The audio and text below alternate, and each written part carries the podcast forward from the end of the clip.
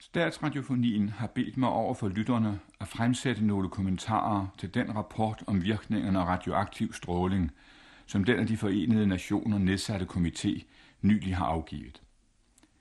I de senere år har både videnskabens og offentlighedens interesse været rettet mod den såkaldte ioniserende stråling, som menneskene er udsat for. Denne ioniserende stråling stammer fra vidt forskellige kilder. Dels har vi inde i vort lægeme og har altid haft radioaktive stoffer, der udsender sådan stråling. Dels findes der altid i vores omgivelser, i luften, i jorden, i vores huses mure, radioaktive stoffer, der også udsender ioniserende stråler. Og endelig kommer der ude fra verdensrummet den såkaldte kosmiske stråling, der virker på samme måde.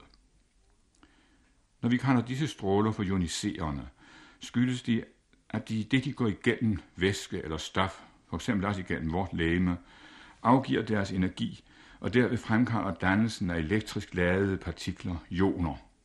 Og det er denne ionisering i vores organer, der fører til dannelsen af stærkt aktive kemiske forbindelser, der så atter fører til ændringer i vores vævceller. Når opmærksomheden i de senere år er blevet rettet så stærkt imod disse stråler og deres virkninger på mennesker og på levende væsener i det hele taget, skyldes det som bekendt, at menneskene selv i de senere år har forøget den stråling, vi er udsat for. Denne forøgelse er kommet i stand dels ved den stadig tiltagende benyttelse af radioaktive stoffer i videnskaben, i medicinen og i industrien, dels gennem udnyttelsen af atomenergien, enten som fredelige kraftkilder eller i form af bomber. Og endelig også de røntgenstråler, som lægerne anvender, dels til undersøgelse, dels til behandling af patienter, en form for ioniserende stråling, der virker på levende organismer på samme måde som de radioaktive stråler. Der er ikke tvivl om, at menneskeheden i en årrække er blevet udsat for stadig stigende mængder af denne stråling, og man, hvis der ikke tager særlige forholdsregler, ville kunne vente en yderligere stigning i de kommende år.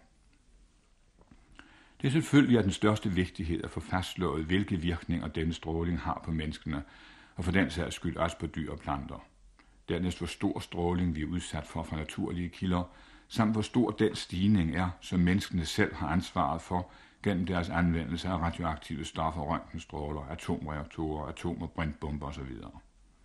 Det er derfor ikke forbavsende, at der holdes mange videnskabelige møder om spørgsmålet, offentliggøres talrige videnskabelige afhandlinger og rapporter om dette vanskelige emne, hvis behandling kræver både fysisk og biologisk indsigt. Der er i de sidste par år offentliggjort nogle ordentligt værdifulde samlerapporter, hvor man kan hente meget en oplysning om vores nuværende viden om disse spørgsmål. Her må man først og fremmest nævne en stor engelsk rapport fra det lægevidenskabelige forskningsråd, en amerikansk rapport fra Videnskabernes Akademi og et kæmpe værk på over 2.000 sider som resultat af en række mundtlige og skriftlige redegørelser til det amerikanske senat. Og nu for kort tid siden kom en yderst autoritativ rapport fra den af de forenede nationer i 1955 nedsatte komité. Autoritativ, fordi denne komité har en så alsidig sammensætning. Den består af videnskabsmænd fra 15 lande. Officielt har ca. 90 videnskabsmænd medvirket ved rapportens udarbejdelse, i virkeligheden endnu flere. Rapporten begynder med at slå fast, at den stråling, vi er udsat for fra naturlige kilder, i sine virkninger og i sin natur, er lige med den, der kommer fra menneskeskabte kilder. Dernæst slår man fast, at vel ved man meget om strålernes biologiske virkninger, men over viden er meget ufuldstændig. Vi ved en hel del om virkningen af store strålingsdoser, men vi ved meget lidt om virkningen af gentagende små doser, eller en stadig virkende svag stråling. Manglen på viden på dette punkt har valgt komiteen stor bekymring. Der findes mange forskellige slags ioniserende stråler, Fælles for dem alle er som nævnt, at deres energi absorberes i vores væv under dannelsen af ioner. Strålerne har meget forskellige evne til at gennemtrænge stoffer, for eksempel gennem vores hud og vores organer og de stoffer, vi er omgivet af. Kun hvis de trænger ind i vores lægeme, kan de få en biologisk virkning. Den eventuelle skadelige virkning, der kan fremkaldes af disse stråler, kan enten ramme selve det individ, der er blevet bestrålet, eller den kan ved beskadigelse af individets kønsceller fremkalde de såkaldte mutationer, arvelige ændringer, der viser sig hos individets afkam. Hos det enkelte individ, der en enkelt gang udsættes for en stor bestråling, kan virkningen enten vise sig ved en akut eventuelt dødelig forløbende sygdom, eller hvis individet kommer sig eller har været udsat for en så lille strålingsdosis, at der ingen akutte synlige virkninger har været, så kan der alligevel eventuelt flere år efter optræde forskellige sygdomme fremkaldt af strålingen, svulster, blodsygdomme, hudsygdomme osv. Når der blandt videnskabsmændene hersker en del uenighed om, hvor alvorligt man skal bedømme den stigning i strålingen, som mennesken i de senere år har fremkaldt, skyldes det, at de erfaringer, man har med hensyn til disse strålers skadelige virkninger, alle er vundet ved at udsætte dyr eller mennesker for store strålingsdoser, langt større end dem, man normalt udsættes for. Hvis man fra disse erfaringer med store doser skal slutte sig til virkningen af de meget mindre naturlige doser og til virkningen af den forøgelse i den naturlige stråling, vi har fremkaldt ved vores handlinger, så må man vide noget om forholdet imellem dosis og virkning. Det navn på dette punkt, er, hvor viden er ufuldstændig. Der kan nemlig tænkes mange forskellige muligheder for sammenhæng imellem dosis og virkning. Jeg skal prøve at anskueliggøre nogle af de vigtigste. Hvis vi som mål for skydning har hængende en hel del glaskugler i hver sin snor, så er det klart, at vi har mulighed for at ramme en kugle med det første skud, vi skyder. Og det er også klart, at skyder vi to skud, er chancen for at ramme dobbelt så stor. Skyder vi tre gange, er den tre gange så stor osv. Vi siger, at der ingen tærskelværdi er. Det vil sige, at selv den mindste dosis, et skud, har chance for at virke. Og chancen stiger i samme forhold som dosis, som antallet af skud. Det er den ene form for sammenhæng imellem dosis og virkning, som rapporten diskuterer. Den anden mulighed, som rapporten omtaler, er eksistensen af en såkaldt tærskel, altså at helt små doser ikke virker. Denne mulighed er vi alle sammen fortrolige med. Vi ved for eksempel alle sammen, at vi kan udsætte os for en vis mængde sollys, uden at fremkalde den kendte hudrødme eller solbrændthed. Men overskrider vi en vis stråling, så viser det sig nogle timer senere en kraftig hudrødme, det stærkere jo stærkere strålingen var. Det er klart, at det er ganske afgørende for vores bedømmelse af de små naturlige strålingsdosers betydning, om deres virkning afhænger af dosisstørrelse på den ene eller på den anden måde af de her nævnte. Er der en tærskel, eller er der ikke tærskel, og hvor ligger den? Rapporten bringer ikke noget nyt til belysning af dette punkt. Den giver en oversigt over de herskende anskuelser, selvom den i gang imellem udtaler sig meget mere forsigtigt, end det ofte sker. Man udtaler således, at det hidtil tilgængelige materiale tyder på, at de arvelige skader stiger i samme forhold som dosis, og at dette støtter den antagelse, at den naturlige stråling er med til at fremkalde mutationer. Man nævner dog, at det eksperimentelle grundlag ved små doser er meget magert. Man nævner ligeledes, at efter en teori skal dette også gælde for blodsygdommen leukemi. Man er dog klar over usikkerheden og anbefaler en række spørgsmål, som må tages op til undersøgelse, herunder også netop spørgsmålet om forholdet imellem virkning og dosis ved små doser. Desværre går rapporten let hen over et andet problem, nemlig spørgsmålet om virkningen af en vis stråling. Er den samme, når strålingen gives på én gang i løbet af kort tid, for eksempel i løbet af nogle få minutter, og når den gives som en svær, ganske svag stråling over lang tid. Det er klart, at eksemplet med glaskugler er det ligegyldigt, om jeg skyder 10 skud efter dem i løbet af nogle få minutter, eller jeg skyder et skud om dagen i 10 dage i træk. Hvis jeg hele tiden er lige dygtig, har chancen for at ramme været den samme i de to tilfælde. Det er et dogme inden for arvelighedsforskningen, at sådan er sammenhængen mellem stråling og mutationer. Det er imidlertid umuligt at føre noget bevis for det, hvis stråling styrker så små som den naturlige strålings. Rapportens konklusion på dette punkt lyder omtrent sådan.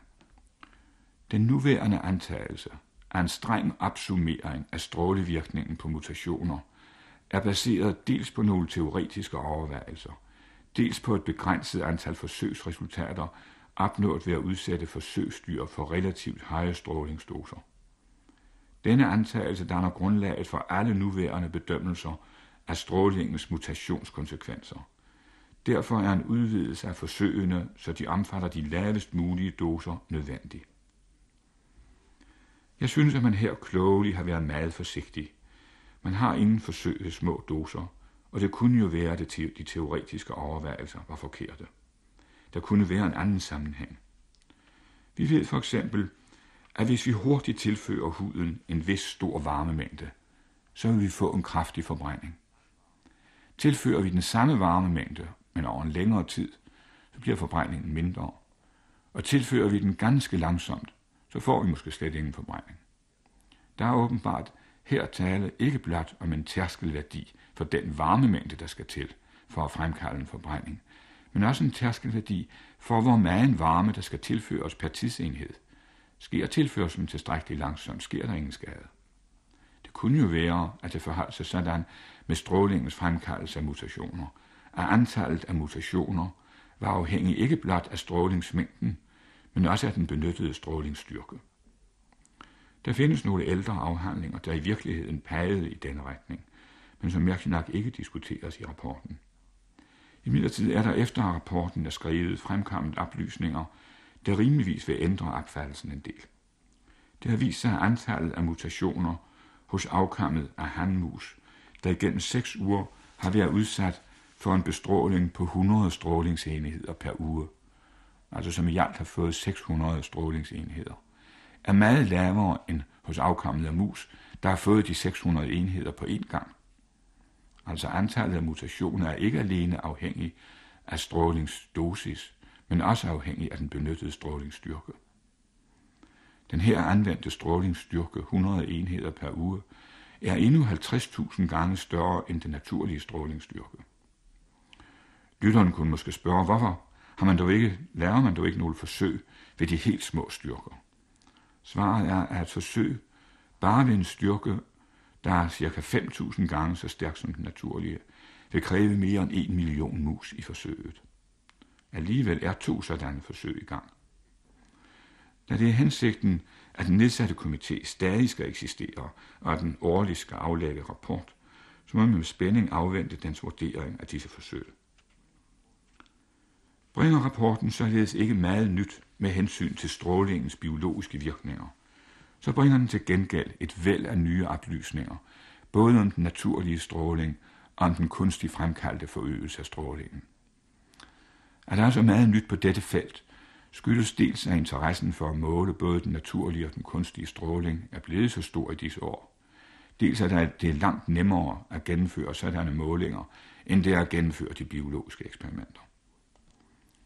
Den naturlige stråling stammer som nemt fra den kosmiske stråling, samt fra naturligt forekommende radioaktive stoffer, dels i vores omgivelser, dels inde i os selv. Rapporten mener, at den dosis, vi udsættes for fra den kosmiske stråling, er 28 millienheder per år, noget mindre ved ekvator, meget mere i højt liggende bjergeegne, for eksempel tredobbelte i 3000 meters højde. Sådan en tal siger selvfølgelig ikke lytterne så forfærdeligt meget, men jeg er nødt til at bruge den for senere at kunne sammenligne med den kunstige stråling. Strålingen i fri luft fra de naturligt forekommende radioaktive stoffer er overordentligt varierende, afhængig af jordbundens indhold af de forskellige radioaktive stoffer. Således har man i Frankrig målt strålingsværdier i fri luft fra 50 millienheder om året til 350 millienheder, altså nogle steder syv gange så stor stråling som andre steder. Husenes mure afskærmer noget mod denne stråling. Til gengæld giver murene selv stråling. Og endelig indeholder luften inde i bygninger, navnlig dårligt ventilerede rum, radioaktive luftarter, der er afgivet fra selve murene. Resultatet af dette er, at man indendørs i murstens- og betonhuse får mere stråling, end man gør udendørs. I træhuse derimod får man væsentligt mindre stråling. Den naturlige stråling fra jord, huse og luft er nogle steder i verden, for eksempel nogle steder i Brasilien og Indien, meget større end normalt. I en enkelt landsby i Brasilien er indbyggerne udsat for op til 100 gange den normale stråling. Her bor der jo ret få mennesker, men der findes i Brasilien og i Indien to områder med hver ca. 50.000 indbyggere, der er udsat for en stråling, der er mellem 5 og 30 gange den normale. Med hensyn til vort eget lægemes indhold af naturlige radioaktive stoffer, så kan man slå fast, at den nok er nogenlunde ens over hele jorden. Vi indeholder alle sammen lidt radioaktiv kalium, en ganske lille smule radioaktiv kulstof, der til sammen giver os ca. 20 millienheder om året. Vores knogler får yderligere noget stråling fra naturlig radium. I almindelige egne for de antageligt 40 millienheder ekstra fra denne strålingskilde, men i visse egne indeholder jordbunden og dermed planterne langt større mængder end normalt. Navnlig kan visse planter koncentrere de naturligt forekommende radioaktive stoffer meget stærkt. For nogle dage siden blev det for eksempel nævnt, at paranødder er det næringsmiddel, der koncentrerer øh, de radioaktive stoffer allerstærkest. I sådanne områder med meget stort indhold af radioaktivitet, må man vente altså radiumindholdet i menneskenes knogler bliver større end normalt. Komiteen kommer med hensyn til den samlede naturlige stråling til et resultat, der ikke afviger fra, hvad man hidtil har regnet med, nemlig at de fleste steder i lavlandet er man udsat for en ydre og indre stråling, der i vores almindelige organer, for eksempel i vores kønskirtler, udgør ca. 100 millienheder om året, mens vores knogler på grund af radiumindholdet får noget mere, nemlig ca. 125 millienheder om året.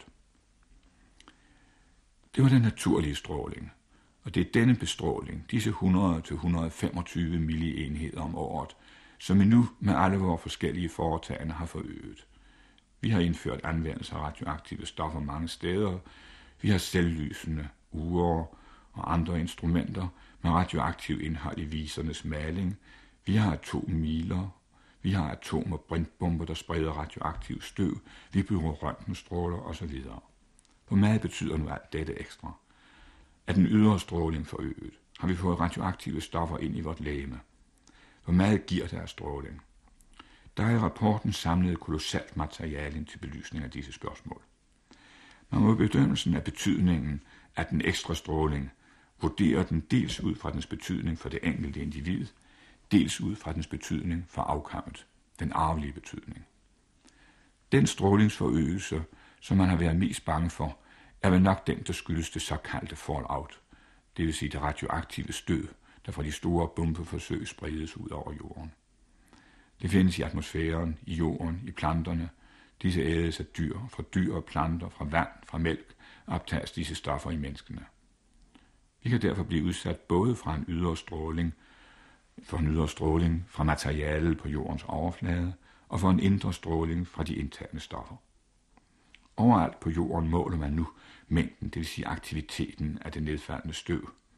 Størstedelen af det bringes ned med nedbør, med regn og sne.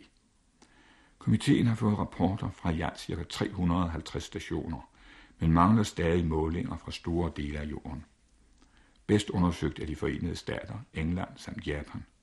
Dårligste indre af Sydamerika, Australien og Afrika, og man mangler målinger blandt andet fra Kina og store dele af det øvrige Asien.